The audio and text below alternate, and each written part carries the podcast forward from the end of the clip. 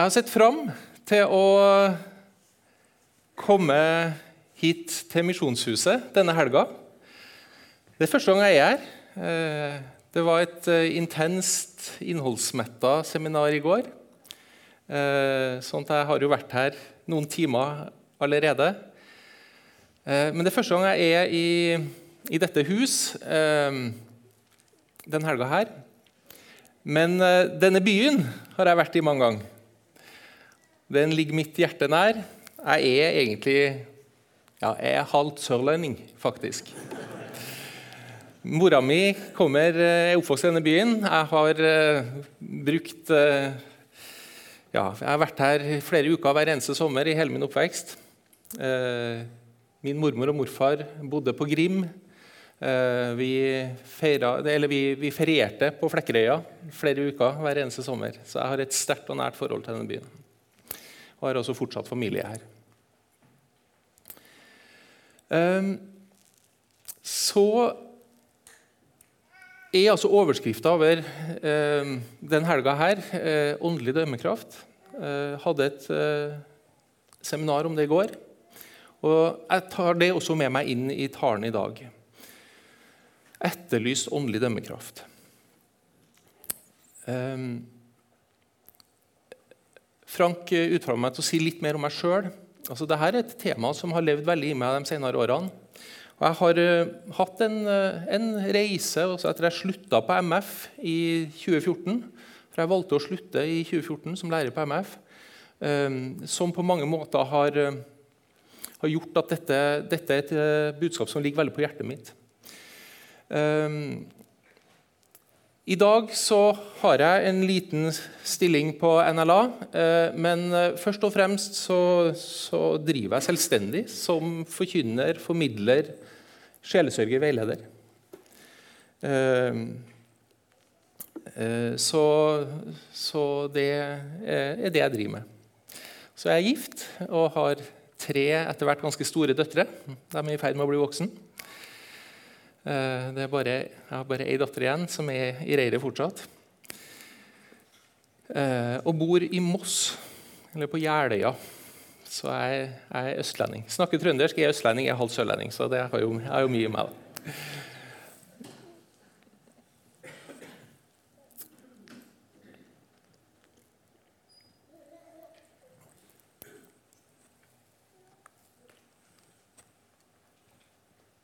Mange hjertevarme kristne er redde for å synde mot kjærligheten ved å våge å granske nærmere noe som kommer kledd opp som kristendom og bruker navnet Jesus. De tør ikke å sjekke kvalifikasjonene til de siste profetene i byen for at de ikke skal gjøre seg skyld i å avvise noe som kan komme fra Gud. De husker hvordan fariseerne nektet å ta imot Kristus da han kom, og er engstelige for å gå i samme fella. Derfor utsetter de vurderingen eller lukker øynene og aksepterer alt uten å stille spørsmål. Dette mener en er et tegn på stor åndelighet. Men sant å si er det ikke det i det hele tatt. Det kan faktisk like gjerne være et tegn på Den hellige ånds fravær. Godtroenhet og åndelighet er ikke synonymer. Tro er ikke en mental vane der vi åpner munnen og svelger alt som har en atmosfære av det overnaturlige. Troen holder hjertet åpent for alt som er av Gud, og avviser alt som ikke er av Gud. Uansett hvor herlig det ser ut. Prøv åndene er en befaling til menigheten fra Den hellige ånd. Det er like alvorlig å akseptere det tvilsomme som å avvise det ekte. De her ordene ble formulert for mer enn 60 år siden av en Oppbyggelsesforfatter, pastor, amerikansk, som kanskje noen av dere har et forhold til. hva vet jeg? A.W. Tozer. Han har vært, for, vært, veldig viktig for meg som en, eh, en, eh, lærer i Guds ord og i Guds ords sannhet, sannheter. Og han snakker, og Selv om dette er skrevet for 60 år siden, og språket bærer kanskje også litt preg av det, så det han sier, kanskje er mer aktuelt enn noen gang. tenker jeg. Og det handler om betydninga av å utvikle åndelig dømmekraft. For mange i dag er det en nokså fjern tanke At det kan dukke opp noe som er kledd opp som kristendom og bærer Jesusnavnet, men er falskt og, kanskje, og, og, og skadelig. Det er ganske, ganske, enkelt ikke på radaren. Jeg tenker, Befinner vi oss i en kristen sammenheng, så er vi vel i en åndelig sett trygg sone. Andre har kanskje vært borti ting som har skapt en indre uro. En snikende fornemmelse av at en er med på noe som ikke stemmer. Kanskje uten helt å klare å sette fingeren på hva det er for noe. En intuisjon av at noe er feil, enda ordene og innpakningene sa at det som skjedde, var rett og fromt av Gud. Likevel så valgte han å undertrykke den indre stemmen, den indre uroen. Sa ikke Jesus også noe om at vi ikke skal dømme? Andre igjen har kjent sterkt dette med destruktiv åndelighet på kroppen. Ofte tok det tid å innse og avsløre de kreftene som var i det en var med på, men konsekvensene ble store. Nå om dagen så kommer det stadig flere sånne fortellinger fram i lyset, også i offentligheten. Noen prøvde kanskje også å si fra på et tidspunkt Å konfrontere usunn og usann teologi og destruktiv atferd i miljøet de var en del av. Men prisen ble høy. Den ble sjøl gjort til syndebukk, kanskje. Den fikk stempel av å være en som går imot det Guds ånd gjør. En moderne fariseer, kanskje også en som truer enheten i Guds folk.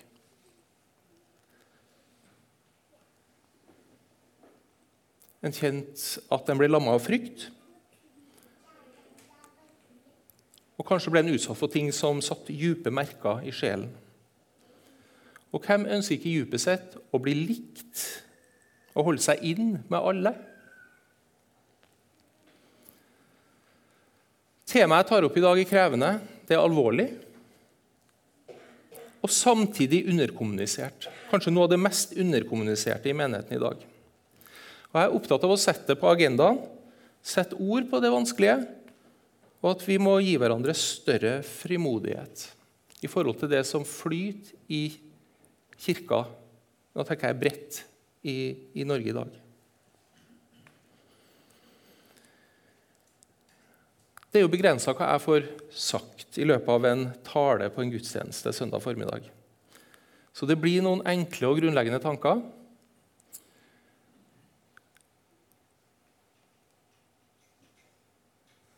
Men jeg tenker at jeg i alle fall kan sette dere på sporet av noe viktig.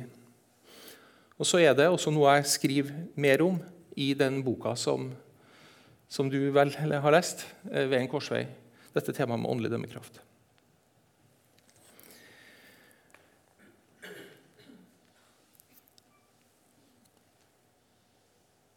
Jeg tenker at Vi lever i en tid som formelig roper etter åndelig dømmekraft blant Guds folk. Evnen og viljen til å skjelne og bedømme er kanskje den egenskap vi som kristenfolk i Vesten trenger mest om dagen men som samtidig også er minst anerkjent. Og Det forklarer langt på vei tilstanden kirka på våre breddegrader befinner seg i. Mye forvirring. Løgn og sannhet som mikses. Mangel på gudsfrykt. Tåkelegginga av korset og det fullbrakte forsoningsverket som hjerte i den kristne troen og derfor liten åndelig kraft. Og Oppå det hele så sier vi som den sjøltilfredse menigheten i Laodikea i åpenbaringsboka Jeg er rik, jeg har overflod, mangler ingenting. Den åndelige likegyldigheten. Og der vi tror at det står bedre til enn det faktisk gjør.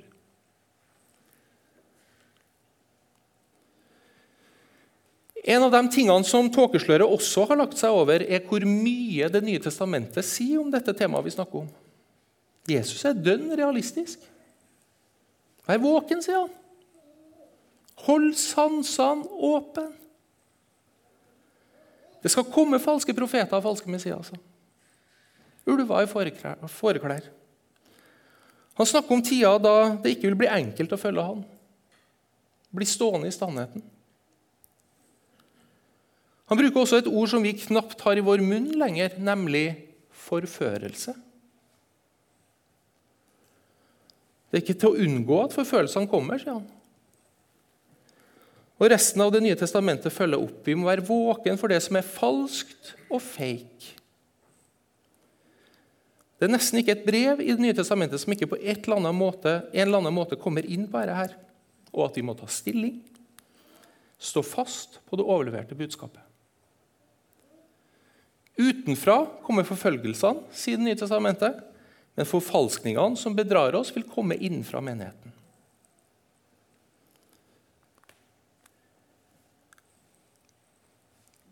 I de senere år så tenker jeg at det har skjedd så store og raske endringer i kirkene i Vesten at jeg tror det begynner å demre for flere og flere kristne som vil stå på Bibelens grunn og være sannheten, tro i kjærlighet, at dette faktisk er mer relevant og aktuelt enn vi tenkte. Bare kanskje for kort, relativt kort tid siden. Og Det mest behagelige er jo da å lukke øynene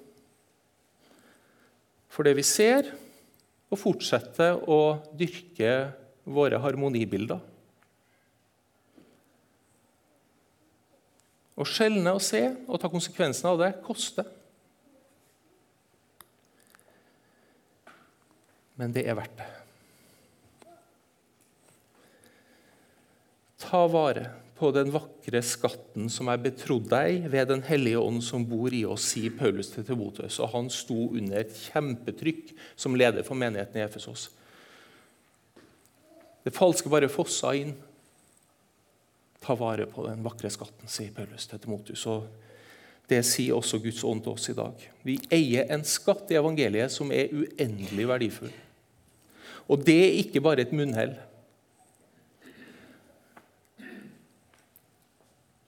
Og Kanskje det første som må skje, er at vi må våkne opp for hva vi eier. Vi må ta vare på den skatten, bevare den fra det som forvrenger det, og skitne den til for kjærlighetens skyld. Den kjærligheten som er fra Gud, og, ikke, og som ikke gleder seg over urett, men har sin glede i sannheten. 1. Korinterbrev 13 sier jo det om kjærligheten. At den gleder seg ikke over uretten, men har sin glede i sannheten. Og den kristne sannhet, den er sann fordi den er god. Det er ikke noe som bare sitter her. Den kristne sannhet er sann fordi den er god. Den tar det rett om menneskelivet. Den, den gir nøkkelen til tilværelsens gåte. Det gir svaret på, på, på, på tilværelsens gåte både for dette livet og for evigheten.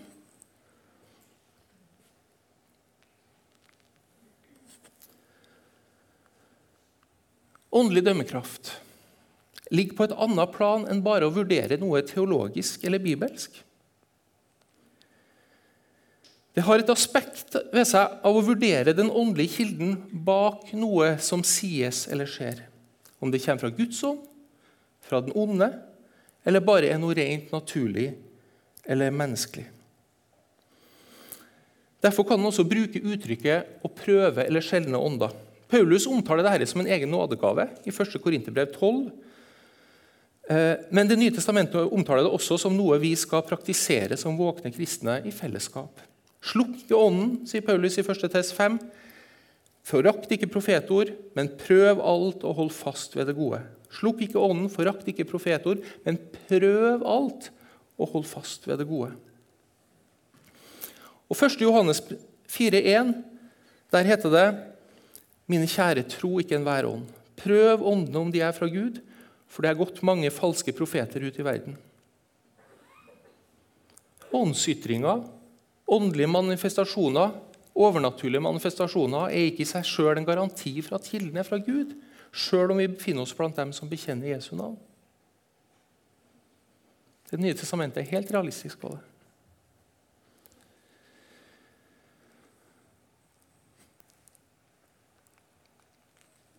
Ut fra et litt annet perspektiv så fremstiller Det nye testamentet åndelig dømmekraft som noe alle kristne er ment å utvikle. Ja, at det er en viktig side ved det å modnes i troen og livet med Gud. Og her er Hebreerne 5, 13-14 en nøkkeltekst. Forfatteren av hebreerbrevet henvender seg til kristne som er, lik, er, blitt likegyldige til å høre, som han eh, formulerer det. De har blitt sløve, de har mista entusiasmen, i ferd med å gli bort fra det de har lært. Og Derfor er de fortsatt åndelige spedbarn som bare tåler melk, som han skriver. Egentlig så burde de ha lagt melkestadiet bak seg og gått over til fast føde. Men det er de ikke i stand til å ta imot og fordøye. De er for åndelig umoden. Og så kommer det her som er selve clouet i den sammenhengen her, det som har med åndelig dømmekraft å gjøre. Altså, for den som lever av melk, er spedbarn og forstår seg ikke på budskapet om rettferdighet. Men fast føde er for de fullvoksne, de modne. De som ved å bruke sansene har øvd dem opp til å skjelne mellom godt og ondt.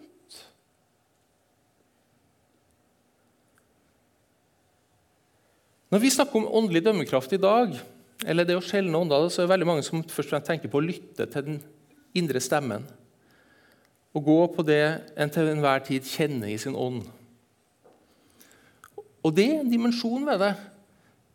Men det er bare én side av saken, og ikke engang det viktigste. Merk hvor nøkternt og praktisk det er det hebreerbrevet snakker om. Å bruke sansene og øve dem opp. Se, høre, lukte, smake. Kanskje ikke minst dette med å kjenne på ettersmaken av det vi eksponeres for. Ofte kan noe som tilsynelatende virker veldig bra, i utgangspunktet etterlate oss med en påfallende ubehagelig ettersmak.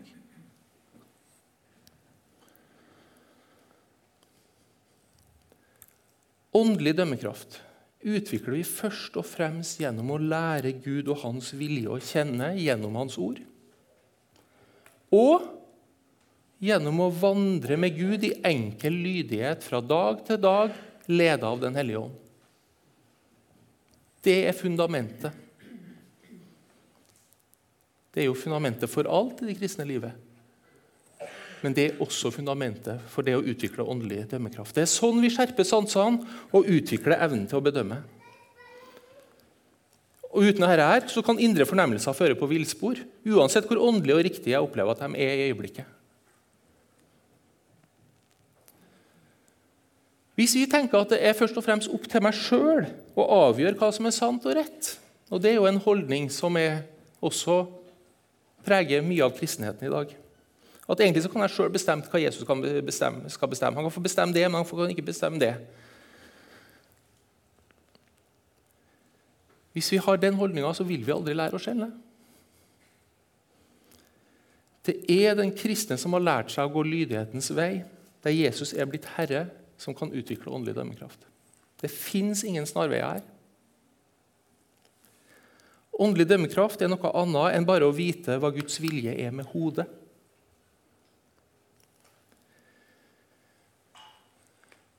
Samtidig er dømmekraft helt avhengig av kunnskap. Det henger sammen med kunnskap, helt avhengig av det. En viktig grunn til at mange gir etter for det falske og usunne i dag, er jo en svekka kunnskap om Bibelen og om hva kristen tro er for noe. Og Dessuten så lever vi i en kultur der følelser og stemningsbølger gjerne trumfer argumenter og rasjonalitet når vi vurderer ting. Vi er følelses- og stemningsstyrt. Men for å utvikle åndelig dømmekraft så trenger vi kunnskap og innsikt i Guds ord, men vi trenger også noe mer. Det må ha blitt en kunnskap som er prøvd i livet. Vi forankres i sannheten ved å leve den. Det er helt grunnleggende i forhold til hvordan Bibelen tenker rundt dette med kunnskap og sannhet. Og all kristen erfaring tilsier det også, egentlig. Vi forankres i sannheten ved å leve i den. Den som vil gjøre Guds vilje, skal skjønne om læren er fra Gud, sier Jesus i Johannes evangeliet, kapittel 7. Innsikt i Guds ord er helt nødvendig for å kunne skjelne, men Guds ords sannhet må smelte sammen med oss gjennom et liv i Guds frykt og lydighet.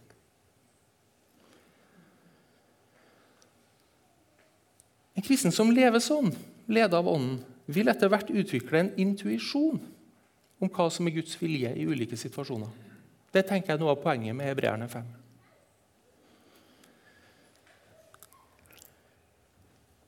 Eller i den teksten.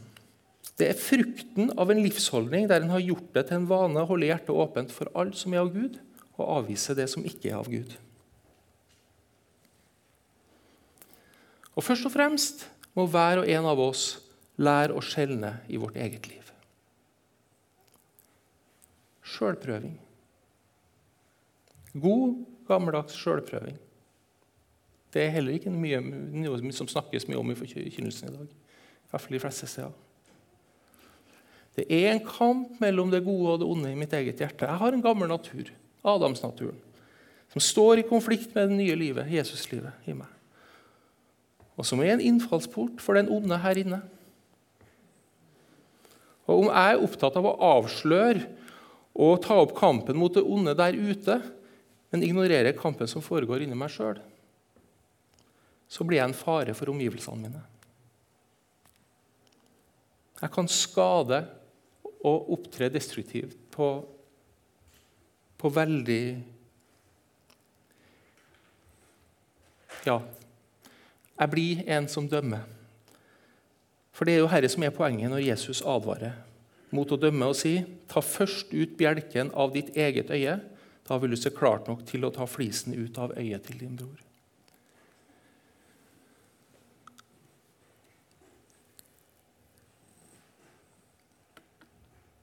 Mange forveksler jo, eller vil jo også si sånn at det å drive en type prøving og skjelning av den typen, det er i seg sjøl å dømme. Farga av vår tids toleranseideal. Men når Jesus sier 'døm ikke', så sier han jo faktisk at ta først ut bjelken av ditt eget øye. Han sier ikke at du ikke skal skjelne eller vurdere, eller til og med konfrontere en annen, eh, altså din bror.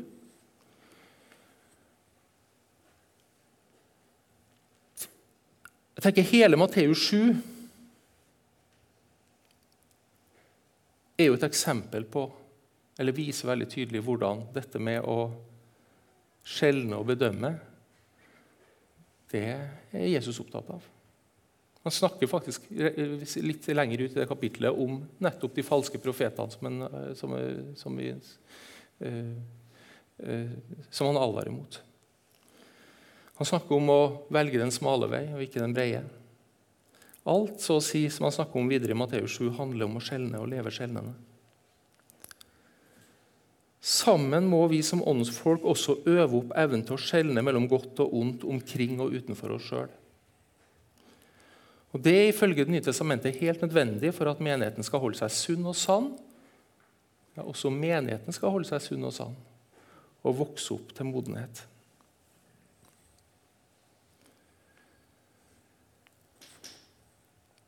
I Efeserne 4 leser vi. Der handler det også om dette med å være moden. At vi ikke vi, vi advares mot å være umoden så skal vi ikke lenger være umyndige småbarn. Ikke la oss kaste hit og dit og drive omkring av hvert vindpust av ny lære som en båt på havet der vinden kommer fra alle kanter, og en ja, ikke klarer å holde kursen fordi at en påvirkes av disse stormene som kommer fra alle kanter. Vi skal ikke la oss kaste hit og dit og drive omkring av hvert vindpust av ny lære, så vi blir bytte for menneskers falske spill og listige, forførende knep. Men vi skal være sannheten tro i kjærlighet, og i ett og alt vokse opp til Ham som er hodet, Kristus, heter det i Efeserne 4 også.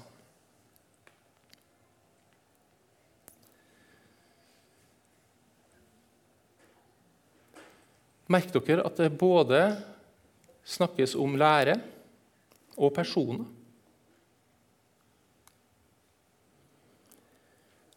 Jeg skal komme litt tilbake til det. For det jeg skal bruke den, resten av denne talen på, det er å si litt om hvordan skjelner bedømmer vi i praksis. Hva er det vi peiler etter? Hva skal vi være oppmerksom på? Hvor brenner det? Kanskje ikke minst spesielt i vår tid. Her er det veldig mye jeg kunne ha sagt som jeg ikke får anledning til å komme inn på nå, men jeg skal gi noen perspektiver. I møte med det usynne i forkynnelse og undervisning handler det altså, Dette handler ikke om å vurdere ting med teologisk millimetermål. For meg er det utrolig viktig å få fram, og det, det prøvde jeg å få fram også i seminaret i går, hvordan det falske og destruktive gjerne først og fremst er knytta til helheten. Til totaliteten i det som formidles. Når ny lære presenteres, og ny lære er for øvrig i vår tid veldig ofte gammel vranglære i ny drakt, så er det gjerne tankegods med en indre sammenheng og slik sett en helhet. Men jeg er også opptatt av sammenhengen mellom ord og fremtreden, ord og atferd, hos den som formidler det, som Paulus også er inne på her i Efeserne 4. At forkynnelse lukter eller smaker dårlig, det henger nesten alltid sammen med at forholdet mellom Gud og mennesket er endra sammenligna med virkelighetsforståelsen i Bibelen. Det går på det grunnleggende. Og at menneskets behov for det Jesus gjorde gjennom forsoninga på korset, underslås eller defineres på en annen måte. Omdefineres. Og det setter liksom farge på alt. Også på opptreden, holdninger, livsstil. Instinktet hos en kristen som er opptatt av å skjelne, er å spørre Det som skjer her, gir det Gud den makten og æren han fortjener?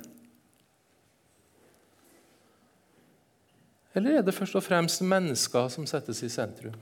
Menneskers planer og prosjekter og livsmål.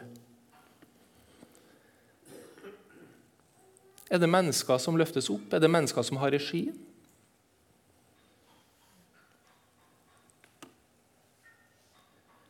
Et annet spørsmål som er viktig å stille seg, eller som en, en kristen som er opptatt av å skjelne, eh, skal, være, skal være opptatt av å, å, stille seg, er føre det som blir sagt og gjort her, oss inn i evangeliets ekte frigjøring og glede? Evangeliet er jo et enormt frigjørende budskap. Eller binder mennesker? Holder mennesker nede, enten ved å legge byrder på som Gud ikke har tenkt vi skulle bære, loviskhet. Bind samvittighetene på en usunn måte gjennom kontroll. Føre oss inn i religiøs klatring. og vi må klatre opp for å få Gud ned fra himmelen. Veldig mye av dagens åndelighet som egentlig er sånn. Han er her. Vi har alt vi trenger gjennom det han har gjort for oss allerede. Eller ved at det bare lar oss forbli i status quo uten det Gud har å gi, f.eks. ved at vi tilbyr nåden på billigstall. Og ikke Synda er jo en destruktiv makt. Det er jo et fangenskap uten like. Jesus vil at vi skal bli fri. Og den som bare forkynner en billig nåden, gjør jo bare at vi får bli i status quo.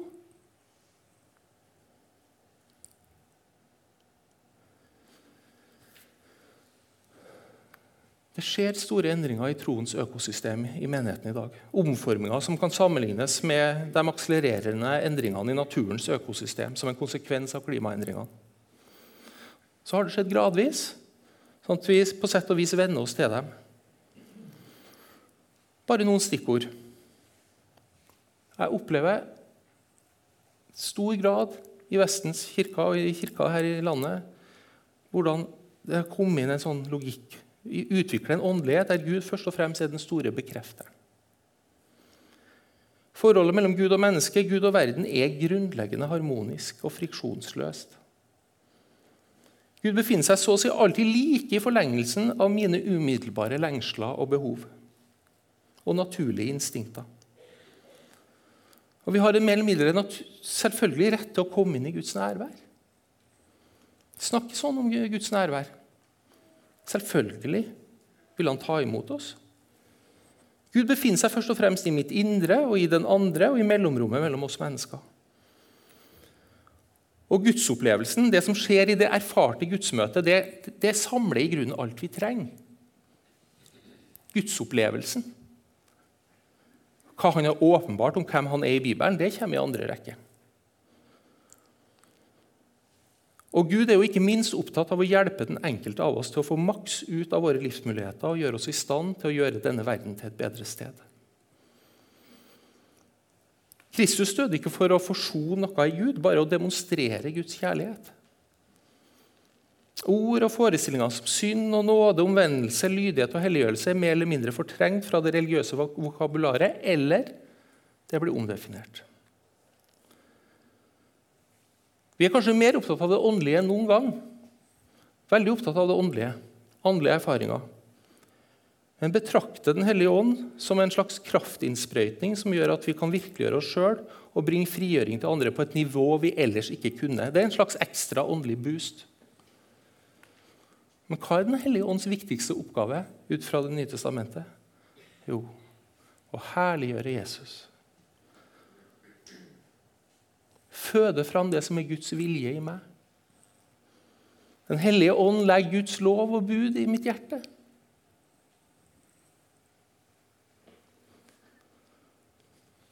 Og evigheten, det som skjer etter døden, ja, det, en, det, blir mer og mer en sånn fjern horisont, innhylla mer og mindre i det usikre.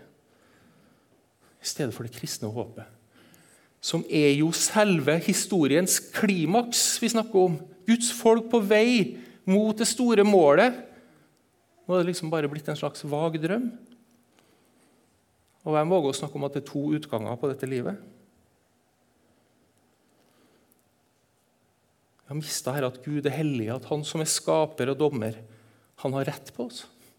Han har rett på oss. At vi står ansvarlig overfor Han med våre liv, og at livets høyeste mål og mening er å elske Gud, frykte Han, være til glede for Han og glede oss i Han.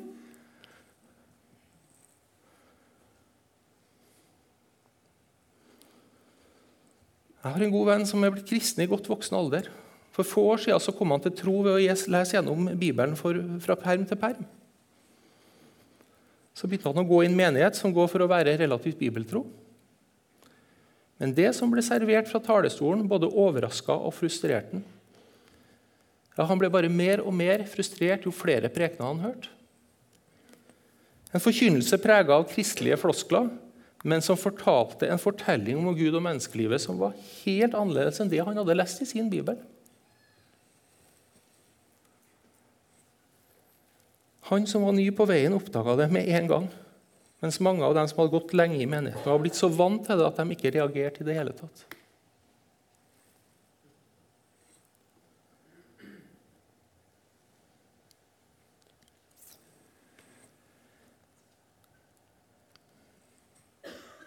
Så det det, skal jeg si litt om det som kanskje er det aller vanskeligste å komme inn på. Dette at det er mennesker som formidler det som er falskt. Det er krevende å snakke om. Men jeg må touche det også. Paulus snakker om å bli et bytte for menneskers falske spill og listige, forførende grep. knep. Mange i dag vil jo bare stegle av ordbruken. Det går ikke an å formulere det på den måten. Men jeg har møtt ganske mange mennesker, ikke minst i kjølvannet at jeg skrev den boka ved en korsvei, som virkelig har erfart og stått over tid under forførerisk forkynnelse og opplevd åndelig maktmisbruk. Og de vet at dette er helt reelt.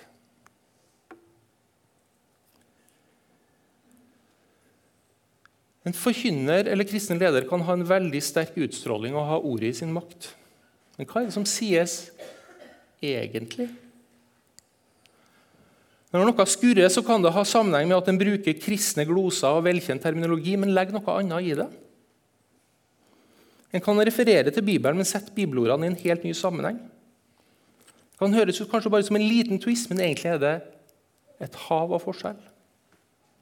Egentlig så snur det sannheten opp ned.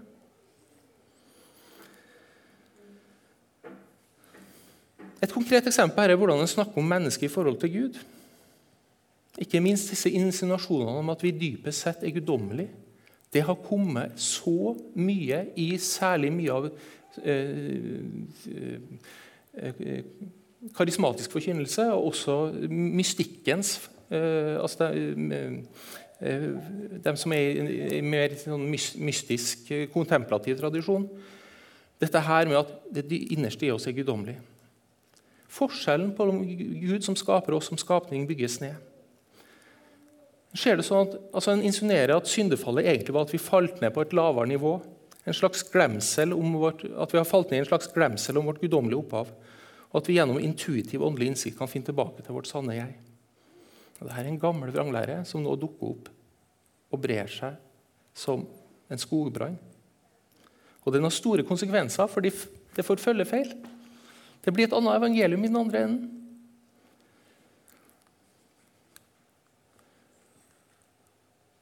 Her er et eksempel hva en nykarismatisk forkynner eh, sier. Omvendelse betyr opplysning. Du er en ny skapning i Kristus. Det som døde, var vårt falske selv, den syndige opplevelsen av et atskilt selv, som aldri var ditt sanne selv. Dette var ditt virkelige selv, til og med før omvendelsen din. Så før du kommer til tro og mottar gjenfødelsen. Omvendelse er å våkne opp fra den undertrykte fantasien. Eller den varianten her Following Jesus does not change you into something else. It, re it reveals what you have been all along. Eller kanskje det mest forføreriske. Gud gir ikke sin ære til andre, men du er ikke en annen. En av de mest fremtredende internasjonale karismatiske pastorene i dag.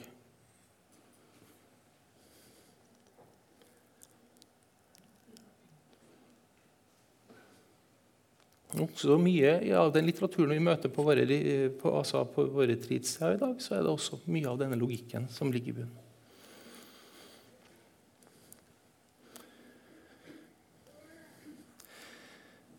Hvilken atmosfære omgir en kristen forkynner eller leder seg med? Hva er vedkommende dypest sett motivert av? Drevet av? Hvordan lukter og smaker forkynnerens opptreden? Jeg tenker Det er to spørsmål som kanskje er spesielt nyttige og viktige å stille seg. Hvem faller lyset på? Gud eller menneske? Vi kommuniserer både med ord og fremtreden. Og det er sånn at En forkynnelse som i virkeligheten setter mennesket i sentrum, også før eller siden vil avsløre seg gjennom hvordan et lederskap fremtrer, og hvilke holdninger som tyter ut i sprekkene og mellom linjene. Og denne Tendensen til å bruke Guds navn til å bygge personlige imperier fins i et utall varianter i dag.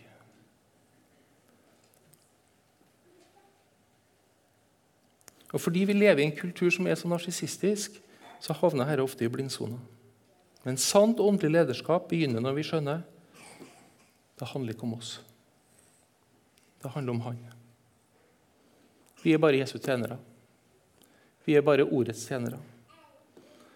En sann kristen leder har en, en hovedfrykt. Og det å stå i veien så er skygge for lyset som skal skinne på han. Det andre spørsmålet som jeg tenker vi i dag særlig må flytte lenger fram i bevisstheten, er appellerer det som skjer her, til vår grådighet? Det er også noe som havner lett i blindsona, fordi vi er en kultur som, ikke, som har akseptert dette med grådighet. Er, vi skulle ha blitt mye mer var for talemåter og prioriteringer i menigheten som henvender seg mer eller mindre spissfindig til ambisjonene våre og begjæret vårt.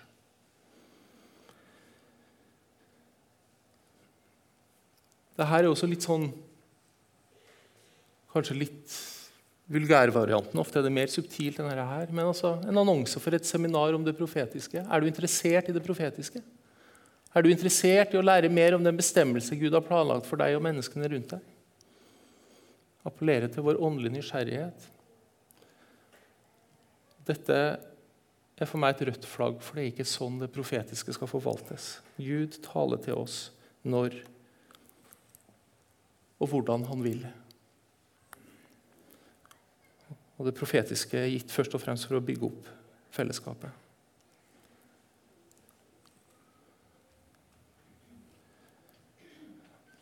Og noe som jeg er kanskje spesielt opptatt av for tida.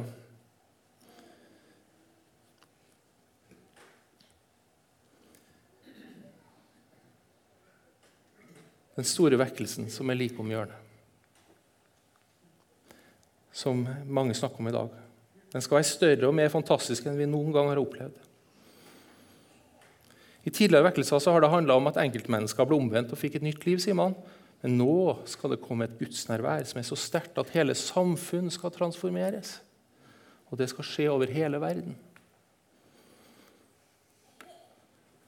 Jeg leste en bok om den store vekkelsen som skal komme som oppsummerte hva som skulle skje i ti punkter. Og alt begynte med 'stor', eller eh, nei, adjektivet 'stor' var i hvert alle de ti punktene. Det skal bli så stort. Et nytt nivå. Og gjerne med en insinuasjon hengt på. Du vil vel ikke være åndelig lunken og bare tenke innenfor tradisjonelle begrensa rammer, så du går glipp av det?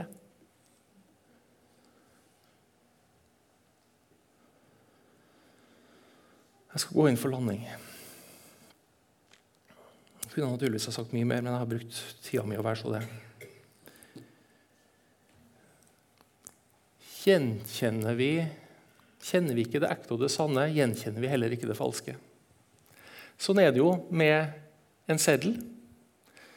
De som eh, gjenkjenner falske sedler, har ikke, lært, har ikke, studert alle de falske sedlene, men de, har, de vet hvordan den ekte, ekte eh, ser ut.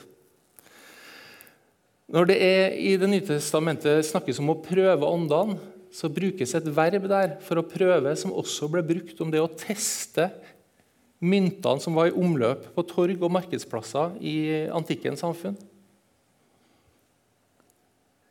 Representanter for myndighetene, det var representanter på myndigheter på, på torg og markedsplasser som sjekka eh, om myntene var ekte. Og de visste hvordan det ekte så ut. Og akkurat på samme måte er det når vi skal prøve åndene. Og vårt primære kall er å søke og elske sannheten. Og søke dypere inn i den. Jeg husker fra da jeg tok glattkjøringskurs på, i, i forbindelse med oppkjøringa for 30 år siden, nå, at sjåførlæreren sa til meg når du mister veigrepet på glatta på vei ut i grøfta Se på veien! Se på veien, ikke på grøfta. For ser du på grøfta, så havner du der. Det er noen som blir så opptatt av det falske at de blir så å si havner i grøfta sjøl. Eller i motsatt grøft. For å oppdage en forfalskning, studer det sanne. Studer det ekte. Og det er også det eneste som fordyper. Det er det som bygger trua, det er det som gjør trua robust. Vi må vite om det falske og være våken for det, men vi skal ikke grave i det. Og vi må ta utgangspunkt i sentrum i trua. Oppholde oss mye og ofte der. Poenget er jo at alt annet finner sin rette plass i lys av ordet om korset og forsoninga. Ut fra sentrum kan vi bevege oss ut mot det mer perifere for at også de tingene skal forstås rett skal være tro mot sannheten i kjærlighet og ett og alt vokse opp til Han som er hodet, Kristus. Den sanne og levende Jesus Kristus, død for våre synder og oppstått igjen. Som er troens kjerne og stjerne. Alt springer ut fra Han. Som sola er senteret i et solsystem som alle planeter går kontrollert i bane rundt, er det det Herre som må være sentrum i troa vår. Det er jeg blitt bare mer og mer opptatt av i det, i det senere, og det er, jo egentlig det er jo det gamle budskapet. Men i møte med det falske troskapen mot, mot uh, ordet, den enkle og rene hengivenheten til Kristus, den Kristus som er død og oppstått for våre synder.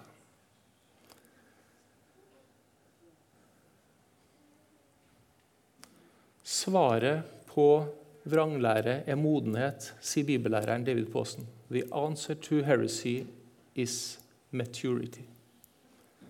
Og svaret er omvendelse. Ransak meg sjøl, ransak meg, Gud, og prøv mitt hjerte. Se om jeg er på den onde vei, og før meg på evighetens vei. Jeg kjenner det mer og mer i møte med det som skyller inn over menigheten i dag. At det er et kall til omvendelse, til å gå dypere. Til å søke kildene som virkelig gir livet. Herre Jesus Kristus, jeg priser og lover og ærer deg for det vi eier i ditt forsoningsverk. Takke deg, trene Gud, for at vi er, er dratt inn i, i livsfellesskapet med deg. Herre, jeg ber om at du skal lede oss og veilede oss og lære oss i denne tida.